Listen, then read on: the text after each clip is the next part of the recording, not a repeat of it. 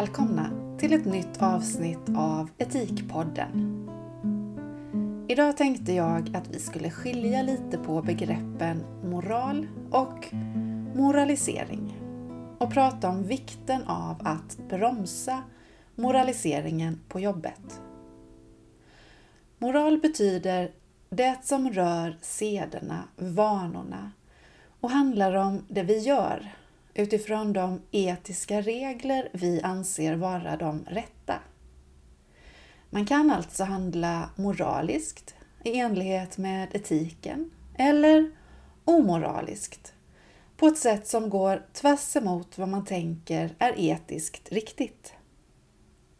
Moralisering handlar om att på ett mästrande sätt säga vad som är rätt och fel sätta sig själv på den goda sidan och trycka ner den som inte gör det rätta. Man vill alltså framställa sig själv som mer moraliskt överlägsen andra. Självklart låter inte det som något man vill gå runt och göra, bete sig på ett överlägset sätt. Men moraliseringen kan smyga sig in där man minst anar det, och gärna förklädd. Vi kan ta några exempel. Man släpper väl allt när det gäller ens barn. Det vill säga, det gör jag och gör man inte det så gör man fel. Det är som sagt förklätt. Man blir lite lurad att tro att det är barnets bästa som är i centrum. Dock är det inte det. Det är i det här fallet föräldern som man moraliserar över vilka anledningar det kan finnas till att man inte släpper allt är inte intressant. Ett annat exempel. Hon har fått sina chanser nu, men hon tar dem inte. Det vill säga, jag har gjort vad jag har kunnat och nu är det upp till henne att anstränga sig lite med. Gör hon inte det så är det hennes eget fel, inte mitt. Man moraliserar över personen. Att hon till exempel är lat eller ointresserad.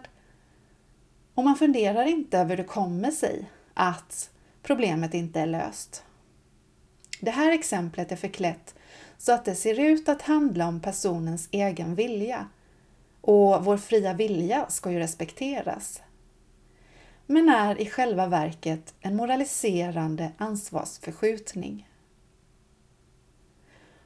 Och ett sista exempel.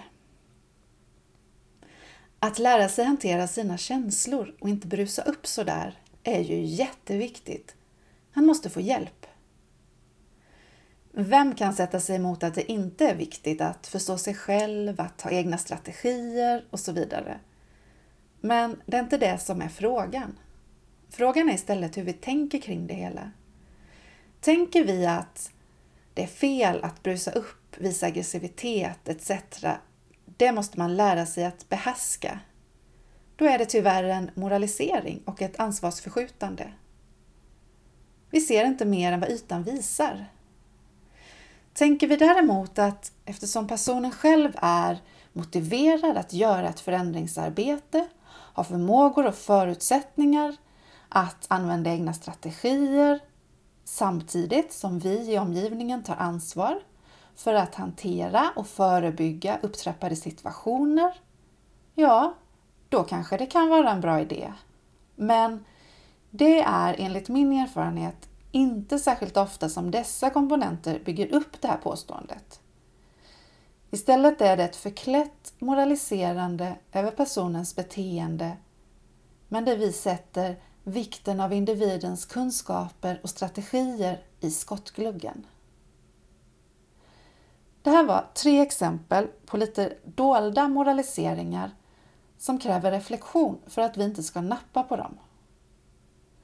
Uttalanden som och så köper de en hund nu med till råga på allt, som om de inte hade nog att göra.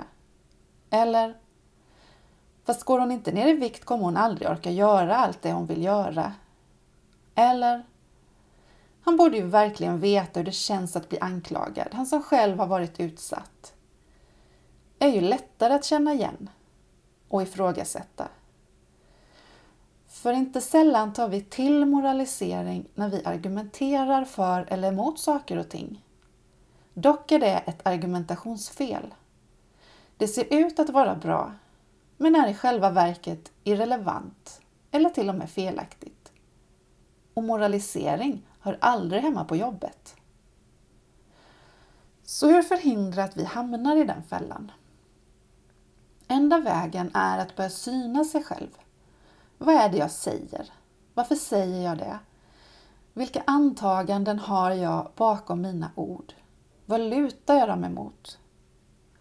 Mot fakta, lag, etik eller lutar jag dem emot vad jag själv tycker och tänker? Är det mitt moraliserande som lyser igenom? Det hör i så fall inte hemma i det här sammanhanget när jag är på jobbet.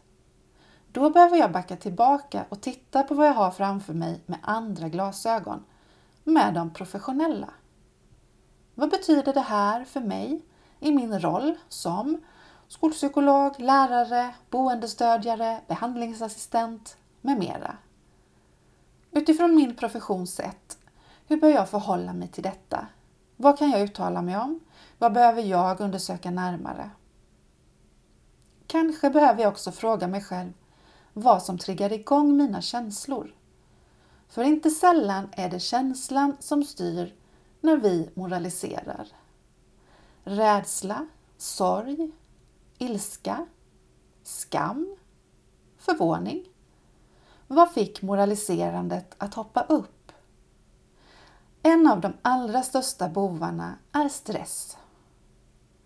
Forskarna Gantman och van Bavel visade 2014 att vi bearbetar moralisk information snabbare än icke-moralisk information. Vi har alltså en tendens att initialt se på andras beteenden genom ett moraliskt filter. Beter han sig rätt eller fel?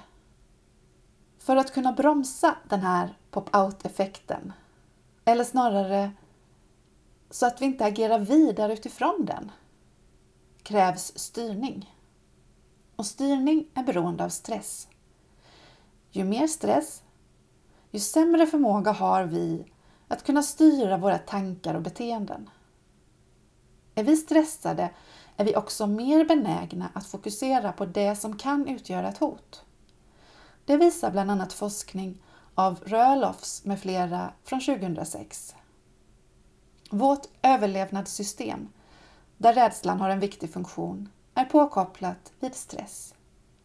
Det betyder att vi sållar fram moralisk information och släpper information som inte är potentiellt hotfullt.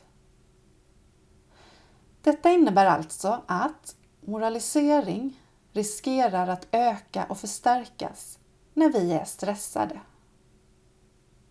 Så min fråga till dig, till er som lyssnar blir hur hantera och förebygga stress på jobbet så att ni har utrymme att stanna upp, observera er själva och backa vid behov när moraliserandet ligger på tungan.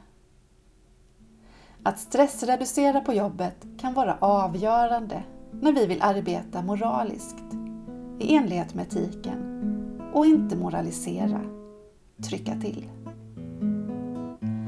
Välkomna tillbaka om en månad för ett nytt avsnitt av Etikpodden.